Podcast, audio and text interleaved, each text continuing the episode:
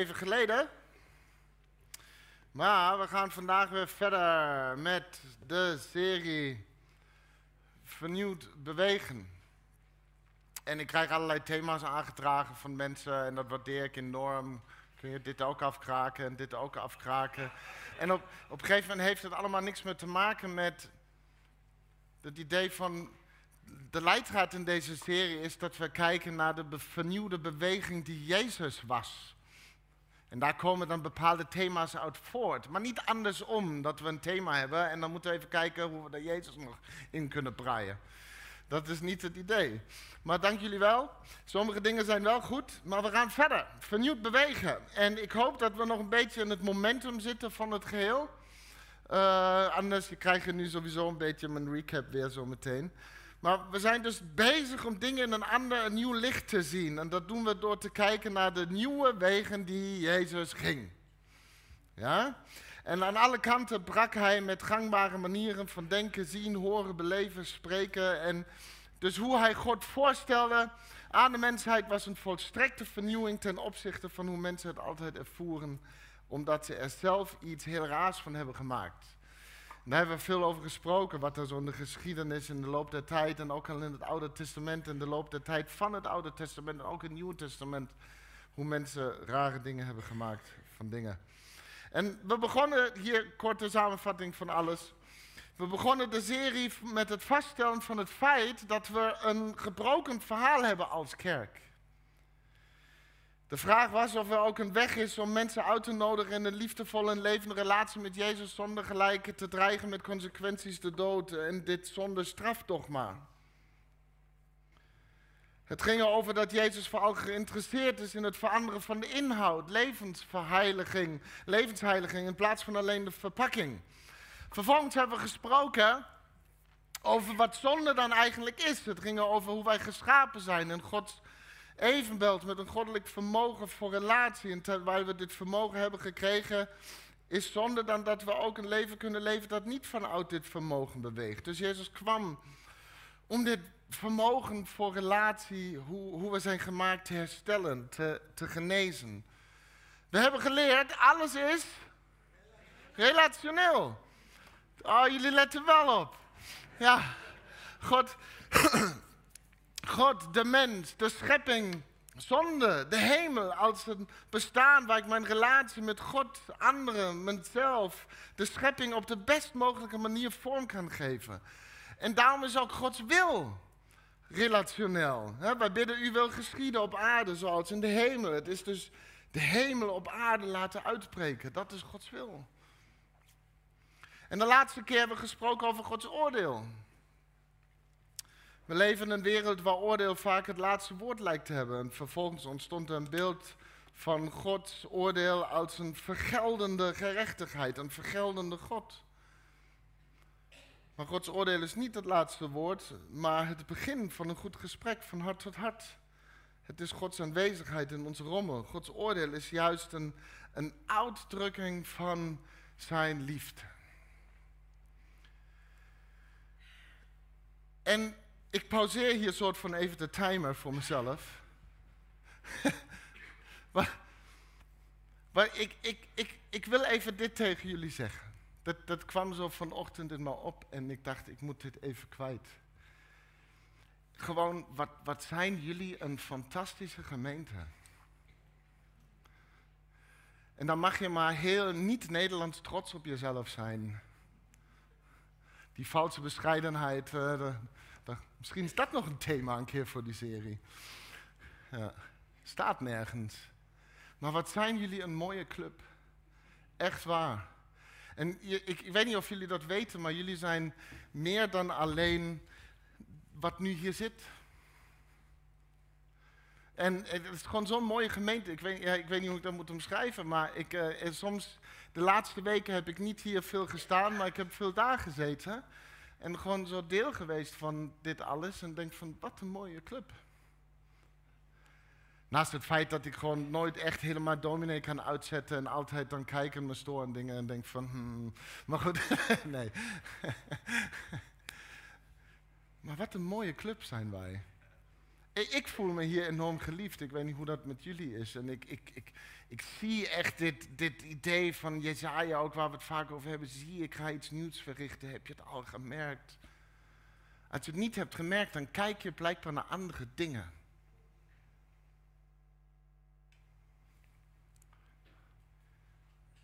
Is waar wij voor kiezen om naar te kijken. En ik voel me hier enorm geliefd. En, en daar kijk ik veel naar. En dat doet veel met mij. En ik hoop ook met jullie.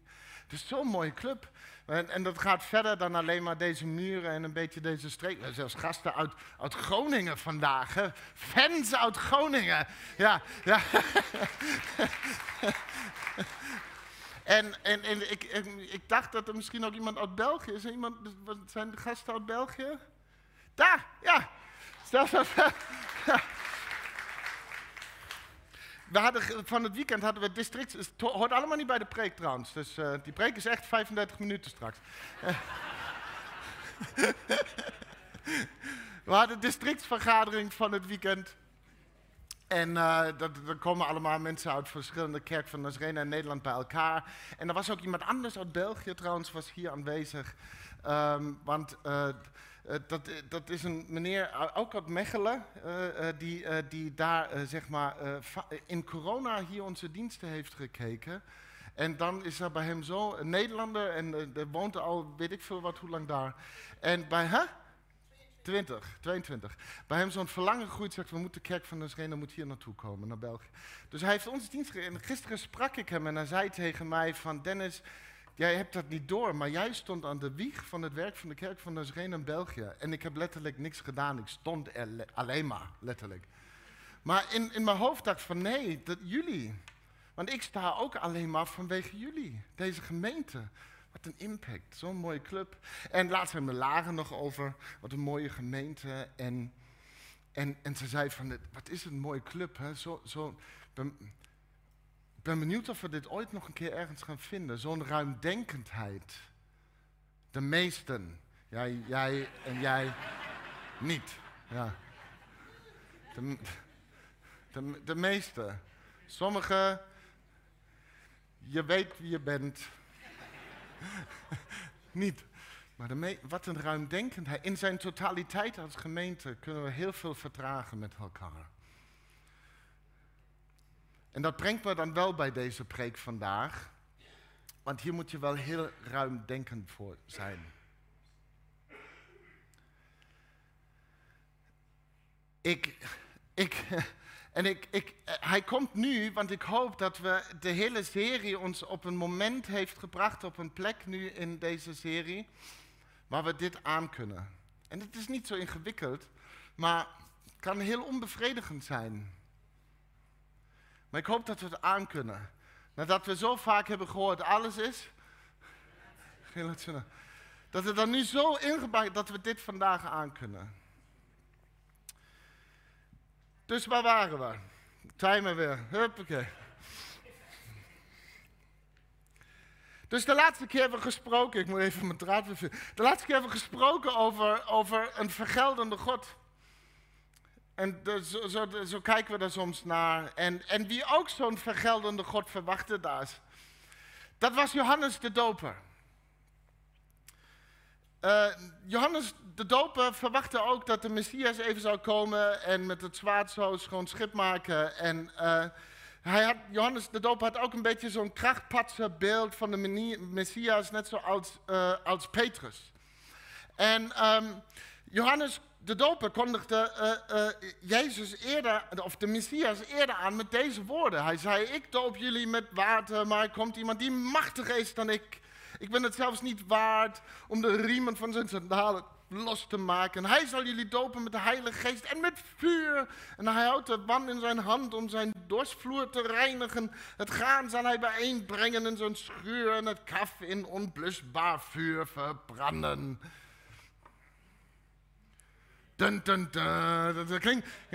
Dat, klinkt, bijna een beetje als de omschrijving van een, een, willen in een, uh, in Marvel-film. Ja. Maar dus, Johannes had dit machtige beeld van de Messias. Wie kan ons nog scheiden van? We kennen het allemaal. Wie zal nog tegen ons zijn? Alle dingen kan ik aan door een Bijbelvers uit context gehaald. Maar dan opeens kwam Johannes in de gevangenis terecht. Ah. En begon hij te twijfelen. Laten we samen lezen. Lucas 7. Johannes kreeg van zijn leerlingen bericht over al deze gebeurtenissen. En er gebeurde veel en Johannes hoorde over. Hij riep twee van zijn leerlingen bij zich en stuurde hen naar de Heer, aan wie ze moesten vragen: Bent u degene die komen zou, of moeten we een ander verwachten? En toen de mannen bij hem gekomen waren, zeiden ze: Johannes de Doper stuurt ons om u te vragen: Bent u degene die komen zou, of moeten we een ander verwachten?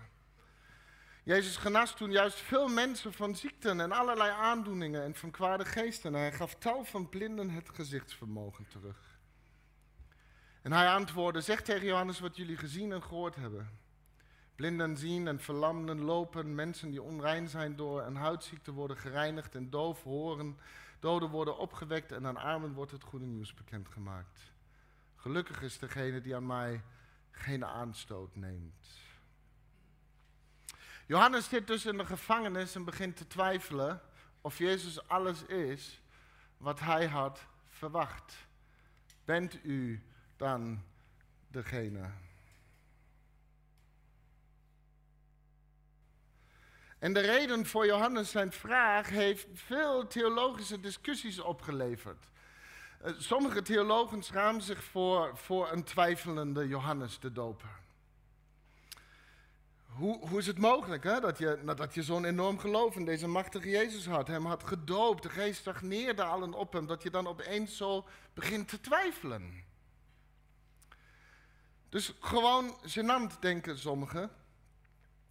Maar weet je, de, de meest natuurlijke manier om dit te lezen is door gewoon de onzekerheid van Johannes te erkennen. Hij zit in de gevangenis. En hij had de komst van de Messias verwacht en aangekondigd, maar het is niet alles wat hij had verwacht en van, van Gods uitverkoren koning. En de Bijbel is vrij eerlijk over hoe mensen, zelfs leiders zoals Johannes, reageren op Gods ongebruikelijke en verrassende en, en vernieuwende manieren. En dus dat in zichzelf was al een heel vernieuwde beweging. En gelukkig, denk ik dan, gelukkig is, is de Bijbel vrij eerlijk. Want, want hoe is het mogelijk? Heel eerlijk, maar volgens mij is het helemaal niet zo ingewikkeld.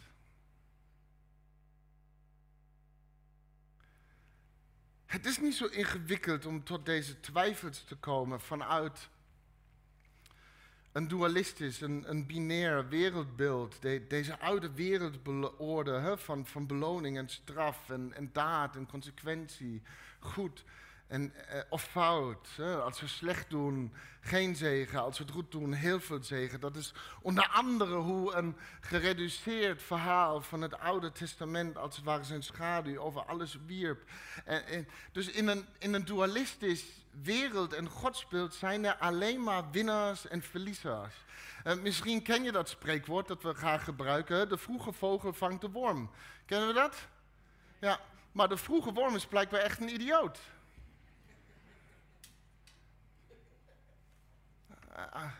Alleen maar winnaars en verliezers.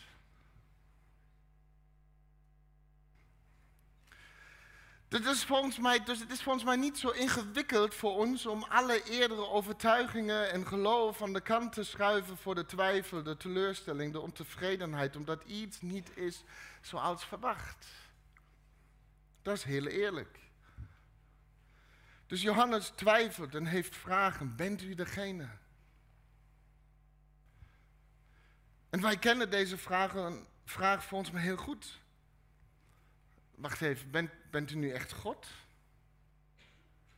Want wat is dit voor een God die dit of dat toelaat? Ken je deze vragen? Waarom laat God dit toe? Waarom gebeuren er zoveel kwade dingen? Waarom grijpt God niet in? Is het standaard verhaaltje van iedereen die niet gelooft en zegt, als dan God is, waarom grijpt hij dan niet in?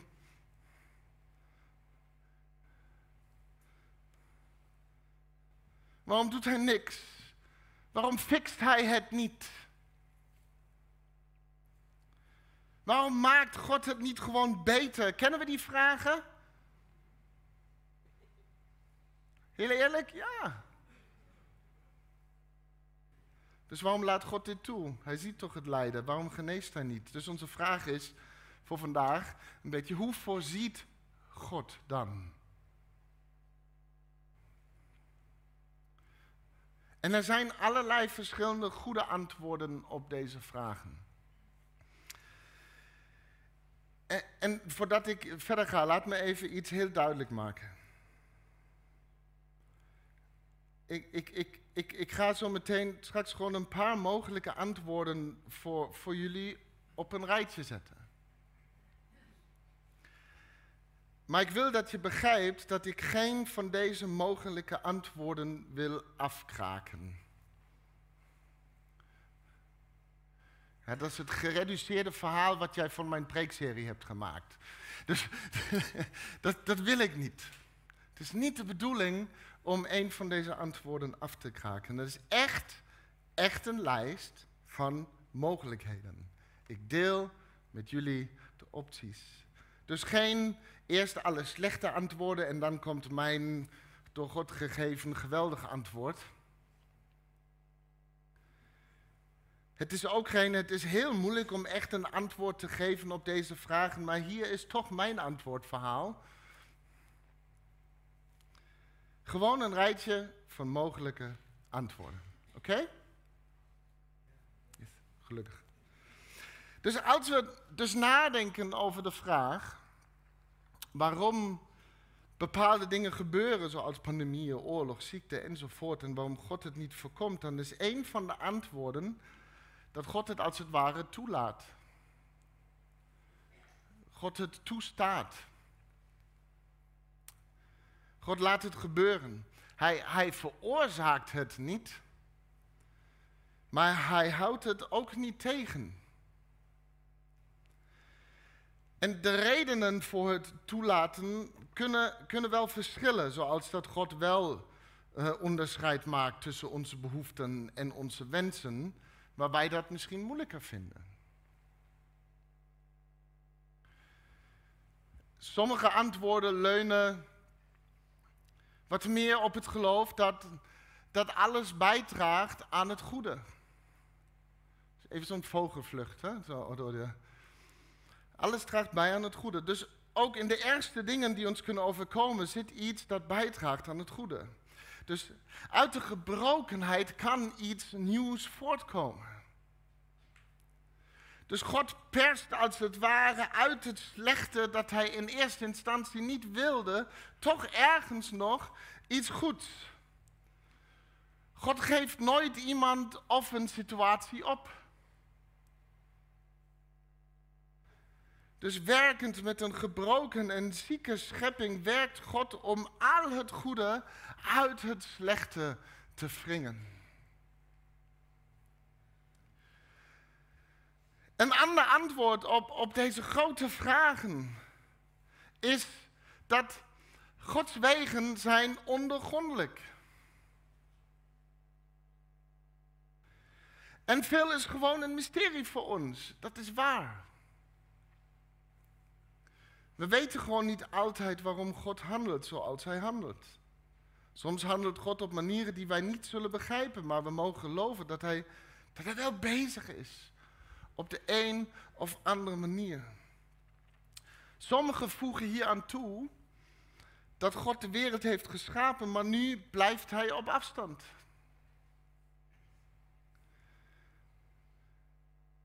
En daar zijn ook weer verschillende argumentaties voor, zoals God beweegt in een eeuwigheid, wij niet, wij bewegen, bewegen binnen tijd en daar is minder verbinding dan we denken. Maakt ook allemaal niet zoveel uit, maar en ik kan, ik me in ieder geval voorstellen dat we wat meer worstelen met, met zo'n idee. Maar ook hier is, is het waarom vooral een mysterie. En veel is gewoon een mysterie.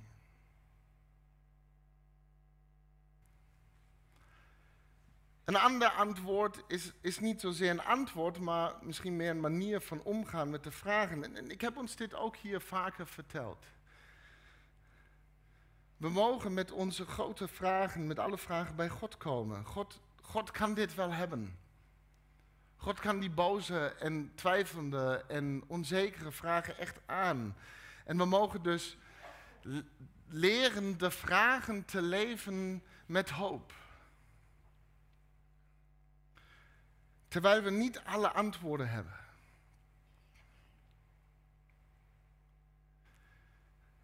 Een andere mogelijkheid, andere mogelijkheid waarom God toelaat wat er zo gebeurt, of, of, of waarom Hij niet ingrijpt als wij dat vragen, is omdat, dat heb je voor mij soms ook gehoord, is dat God is geen automaat. Waar je een gelovig gebed ingooit, een of ander maniertje en, en genezing komt eruit gerold als een plikje cola.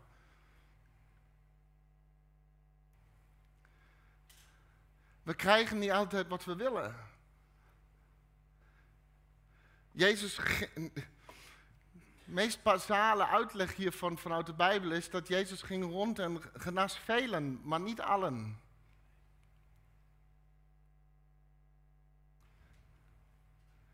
Het, het, het, ik weet het, het maakt het allemaal heel onzeker, maar ergens is het wel een realiteit van verschillende genezingsverhalen in de Bijbel. Nog een antwoord is dat God kan in, in zijn liefde, kan hij niet ingrijpen. En dan krijg je vervolgens een heel gesprek over de almacht van God, maar, maar God kan een aantal dingen gewoon niet. Wist je dat? God, God kan niet liegen. Kan hij niet. Jij wel. Jij kan iets wat God niet kan. Wist je dat?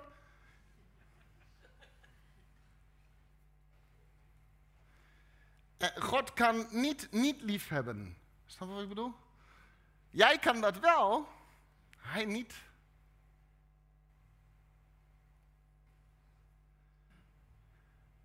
In ons, mijn theologiestudie was altijd de grote vraag van, kan God een steen maken die zo zwaar is dat zelfs God hem niet kan tillen? Denk daar maar over na.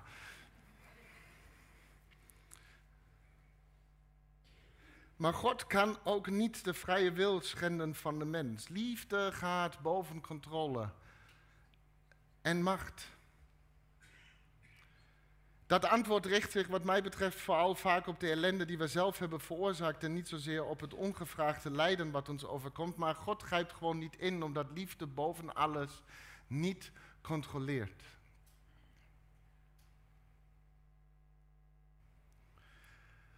Een andere en wat moeilijkere antwoord op de vraag waarom God niet ingrijpt of niet geneest is, is wat mij betreft een vervolgvraag en deze is echt moeilijk. Deze is echt moeilijk. Maar ik denk interessant om te overdenken. Moet het dan per se gemaakt worden?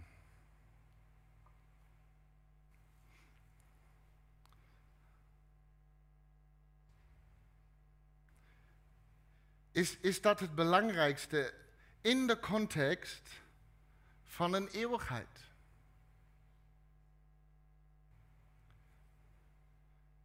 God waakt over het behoud van onze ziel.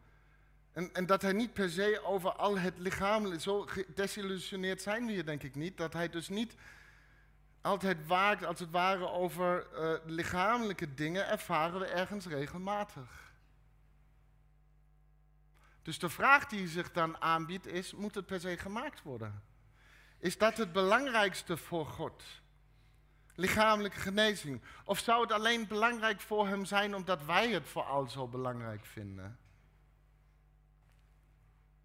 Ik, ik snap het, het is een moeilijke, het is wat lastige gedachte, maar moet, moet dus iets per se gemaakt worden voor de komende 20 of 30 of 40 jaar aan deze kant van de eeuwigheid in de context van een eeuwig leven. Met z'n allen even beseffen, eeuwig.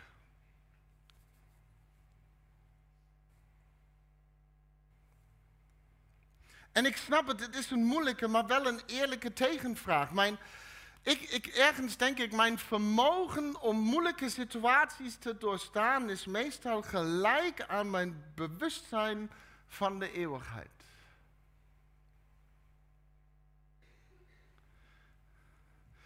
En weet je, het, internet is vol. En, en, vele boeken staan bomvol met, met antwoorden op de vraag: waarom grijpt God niet in? Waarom doet hij dan niks? En dit is gewoon maar zo even een, een, paar dingen die ik kon bedenken en, uh, en waar we het ook vaak over hebben gehad. En er zijn vast nog meer. Maar uh, er is heel veel. Waarom doet hij dan niks? Voor over deze, en voor elke benadering zijn er genoeg Bijbelteksten en veel goede theologische inzichten om deze te onderbouwen. Dus er zijn genoeg antwoorden op onze grote vraag. En waarschijnlijk verlangen we naar antwoorden, want dan denken we, dan zal het goed zijn. Als we een antwoord hebben. Ik snap dat het gebeurt, maar ik ben wel even benieuwd over het waarom. En als ik dat dan weet, dan, dan is het oké. En er zijn vast nog meer antwoorden dan alleen mijn lijstje. En,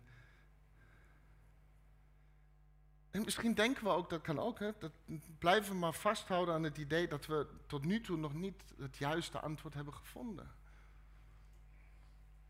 Dus verder zoeken naar antwoorden. En ergens besef ik me soms ook dat het ook ergens een, weer de een dualistische manier van denken, van vraag en antwoord, probleem en oplossing. En ik weet niet voor, ik weet, ik weet niet hoe het voor jullie is. Maar ik word steeds minder blij van, van allerlei antwoorden.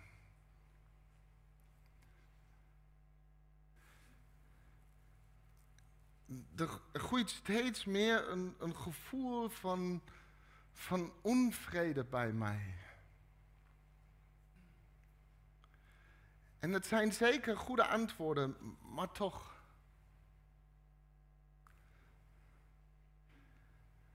En misschien zit er een antwoord tussen dat jou wel helpt.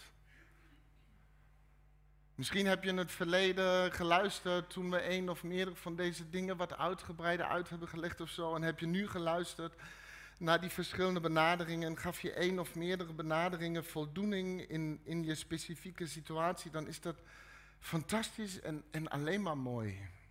En hou dat vast, dat jou dat helpt. Misschien zit er een antwoord tussen waar je, waar je rust van krijgt. Maar als dat niet zo is, als je geen rust krijgt van welk antwoord dan ook, dan is ten diepste een antwoord misschien gewoon niet wat jij nodig hebt.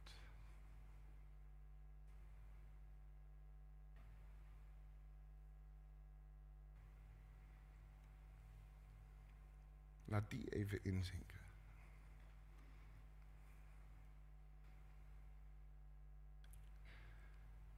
Als je geen rust krijgt van welk antwoord dan ook, heb je waarschijnlijk geen antwoord nodig.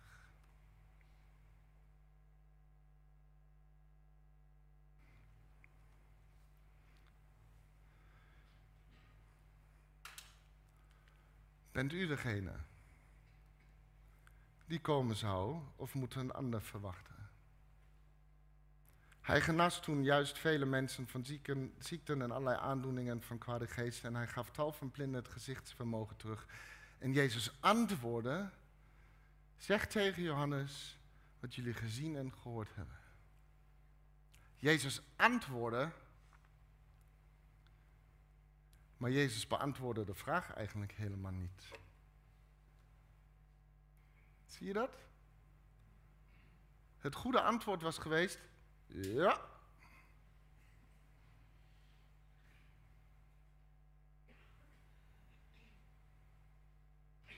Dat is het antwoord. Ja. Maar dat geeft Jezus niet. In plaats van daarvan zegt Jezus hier, kijk hier en kijk daar, ga terug en, en vertel Johannes wat je ziet en hoort. En, en ik weet niet of we die tekst ooit zo hebben gelezen, maar wat we ons moeten realiseren is dat dit een, een heel onbevredigend antwoord is. En ergens komen we dus ook misschien nu een beetje, heb je hem gevoeld, er is ook gewoon geen bevredigend antwoord.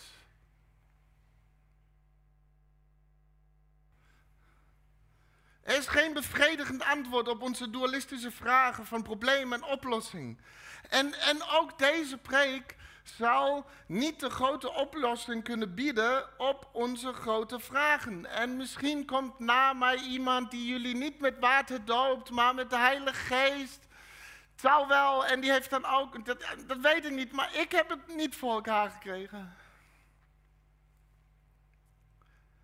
Maar tegelijkertijd verlang ik zo daarnaar om de ruimte tussen deze twee kanten van vraag en oplossing te verkennen. Te ontdekken wat er leeft tussen de vraag en het antwoord. Wat bevindt zich in de ruimte die wij, die we soms verwaarloosd laten liggen terwijl we vooral leven voor de vraag of het antwoord. En ik zei al, je moet heel ruimdenkend zijn vandaag. Wat zijn dus ten diepste de verlangens die er tussen deze twee uitersten heen en weer flitsen op zoek naar, naar oplossingen? Want ik geloof, achter elke vraag zit een verlangen.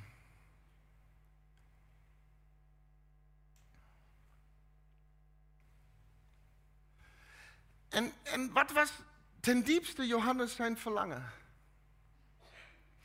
Johannes laat in zijn vraag iets, iets, denk ik, van zijn verlangen zien. Hij zegt, bent u degene of is het, is het toch een ander? Bent u degene, de Messias, de van God gestuurde aanwezigheid van God? Dus wat was ten diepste Johannes zijn verlangen? God, meer van u.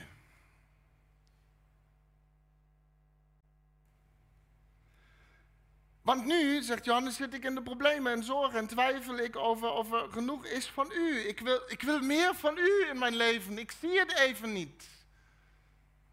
En ik hoor het niet. Meer van God, dat, dat is Johannes zijn verlangen. Dus hoe voorziet God in de nood van Johannes? Hoe voorziet God in ons leven? Op het eerste gezicht lijkt de kerk de eeuwen altijd te voorzien in een heel onbevredigend antwoord. En we kennen de onbevredigende antwoorden waar we nog steeds geen echte rust van krijgen. En daarom hebben we misschien ook geen antwoord nodig. Dus hoe voorziet God? Jezus voorziet Johannes dus niet van een oplossing,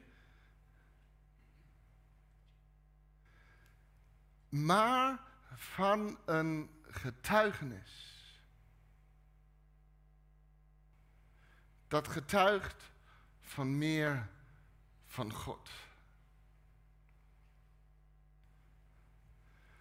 Dus ga terug en vertel wat je hebt gezien en gehoord. Laat het getuigenis demonstreren dat Jezus de Christus is die zou komen. Laat het getuigenis demonstreren dat Jezus de Messias is.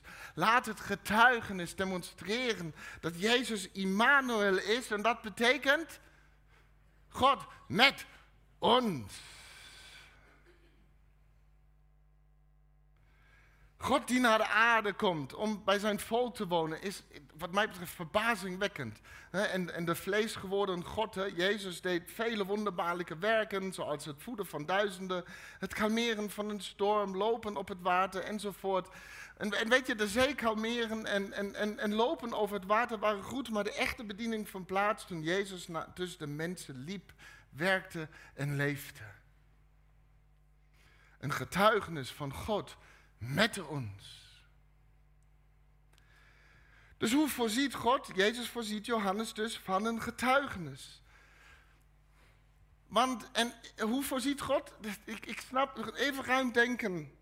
Want Gods ultieme voorziening is al gegeven in het evangelie. God voorzag de mensheid van een getuigenis, van een Immanuel, van een God met ons. Snappen we dat? Dus Johannes verlangde ten diepste naar meer van God, maar hij stelde een twijfelende vraag. En, en, en Jezus ging niet in op de vraag, maar wel op het verlangen door een getuigenis. Door te laten zien, Jezus is er. Immanuel, God met ons. God verzag dus, hoe voorziet God? God verzag dus in meer van zichzelf. Heel onbevredigend. Ja, I know. Ik krijg juist heel veel rust van als God die automaat is.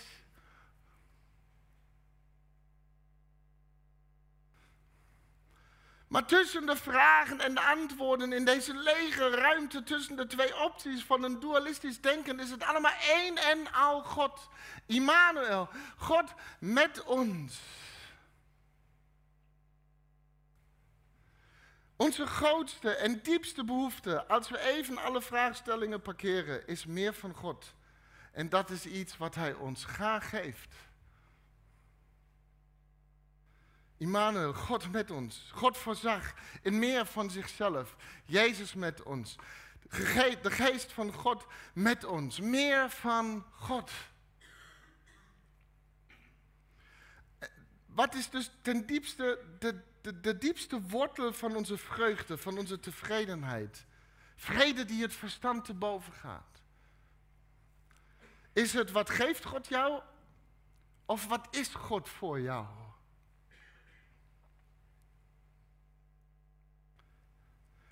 En ik denk, God leidt onze zoektocht genadig naar een groter besef, een ruimdenkender besef dat onze ultieme behoefte bestaat uit meer van zijn liefde, meer van zijn aanwezigheid, meer van zijn wegen, meer van hem, meer van Immanuel, God met ons.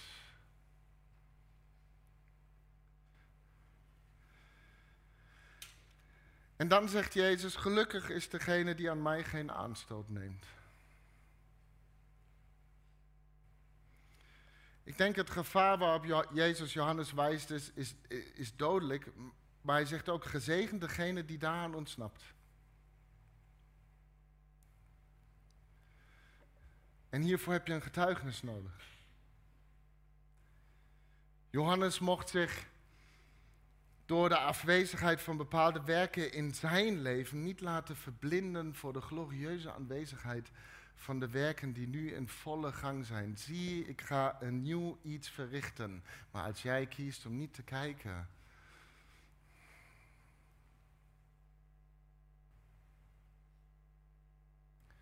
Johannes had een getuigenis nodig.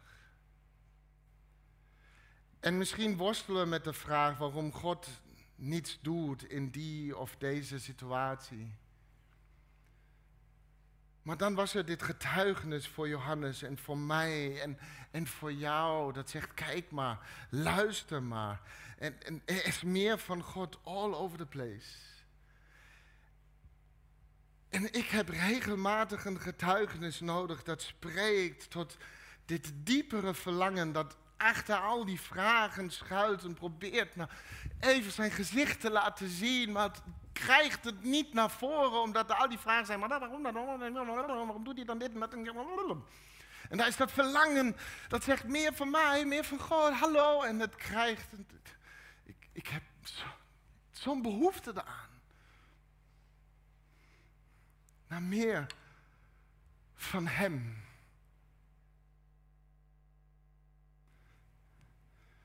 En misschien valt ons niet elk herstel en elke genezing en elke oplossing aan deze kant van de eeuwigheid ten deel. Maar het getuigenis is krachtig. En zegt hoopvol, ooit zijn we ook aan de beurt.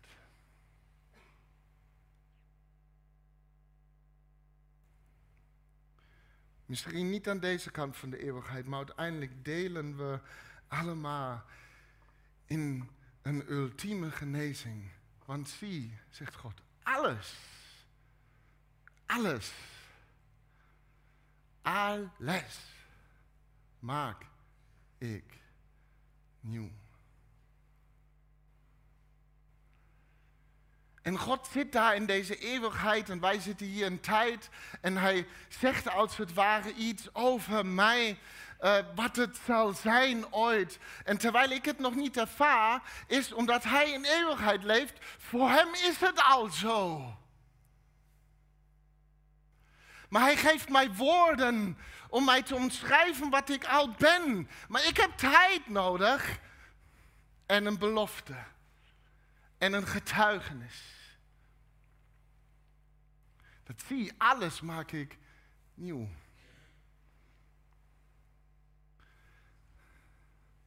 Kijk en luister, want God voorzag in het getuigenis ervan. In de tussentijd worden we hersteld door aangesproken te worden door Immanuel, door God met ons. En worden we opgenomen in dit kosmische gesprek. We hebben meestal niet echt antwoorden nodig. We willen wel serieus genomen worden als onderdeel van de dialoog. En dat weten we meestal pas achteraf, na het lijden en de strijd. Rachel, jij zei dat volgens mij in jouw getuigenis met de doopdienst. Het kan niet vooraf worden geweten, niet theoretisch of theologisch. Je kunt het niet vooraf doordenken en rationeel snappen en dan tevreden zijn.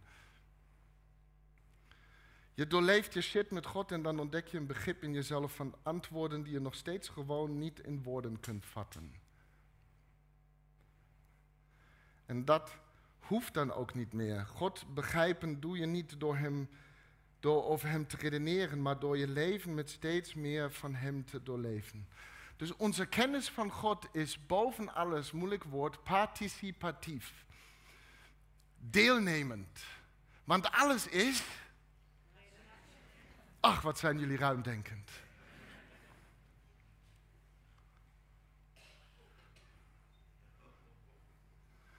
God weigert om intellectueel bedacht te worden en is alleen bekend in de passie en pijn van dit alles in de grote ruimte tussen vraag en antwoord. In plaats van een oplossing kreeg Johannes dus een getuigenis. Ik ben wie ik ben. Kijk maar om je heen. Luister maar. En soms zijn wij het getuigenis. En soms zijn we degene die twijfelen en zoeken naar antwoorden. Net als Johannes worden we dan in plaats van een getuigenis van Jezus iemand die een getuigenis van Jezus nodig heeft. En daarom is, is, is dit zo belangrijk. Dit gemeente zijn. Alles is relationeel. We hebben elkaar nodig om een getuigenis van, van Jezus te zijn als we het zelf even niet kunnen opbrengen vanwege pijn, zorg, twijfel, onzekerheid. Dus we hebben gelezen, zeg tegen Johannes, ga maar zitten, dit wordt een preek. We hebben gelezen, zeg tegen Johannes wat jullie gezien en gehoord hebben. Blinden zien en verlamden lopen. Mensen die onrein zijn door een huidziekte worden gereinigd en doven horen. Doden worden opgewekt en aan, anderen wordt, aan armen wordt het goede nieuws bekendgemaakt. Ik weet niet of je ooit hebt gezien wat hier niet klopt. Laat me hiermee afsluiten. Heb je gezien wat hier niet klopt?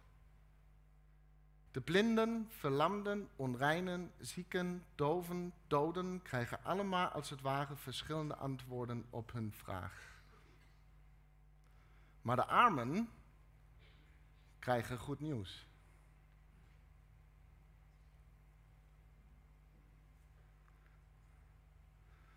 Geen geld, maar goed nieuws. Er is een spaarrekening in uw naam geopend.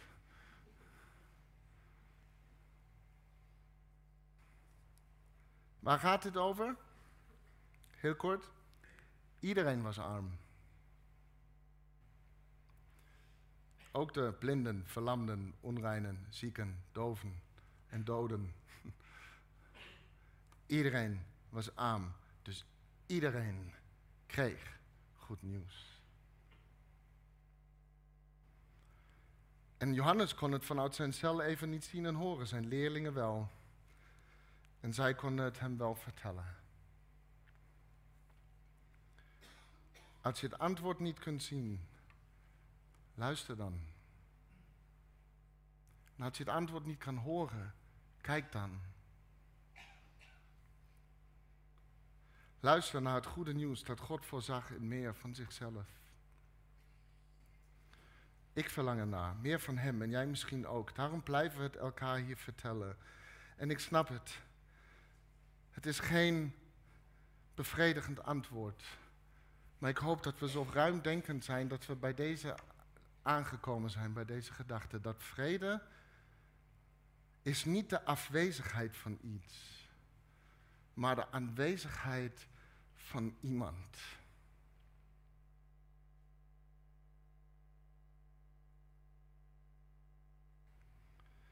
Vrede is een persoon.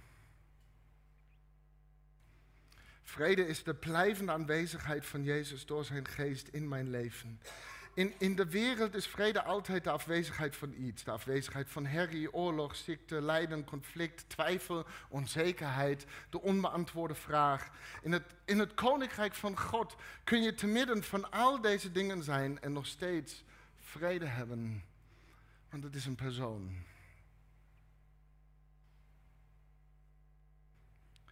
En dan zal de vrede van God,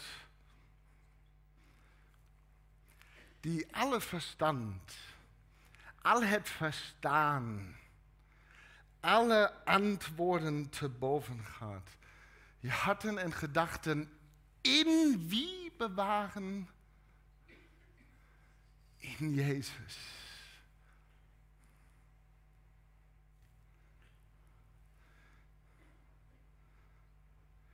Dus onbewust soms verlangen we naar meer van Hem, terwijl we twijfelende vragen stellen, omdat we ergens diep van binnen weten dat werkelijke vrede een persoon is. Dus meer van Hem. Amen. Amen.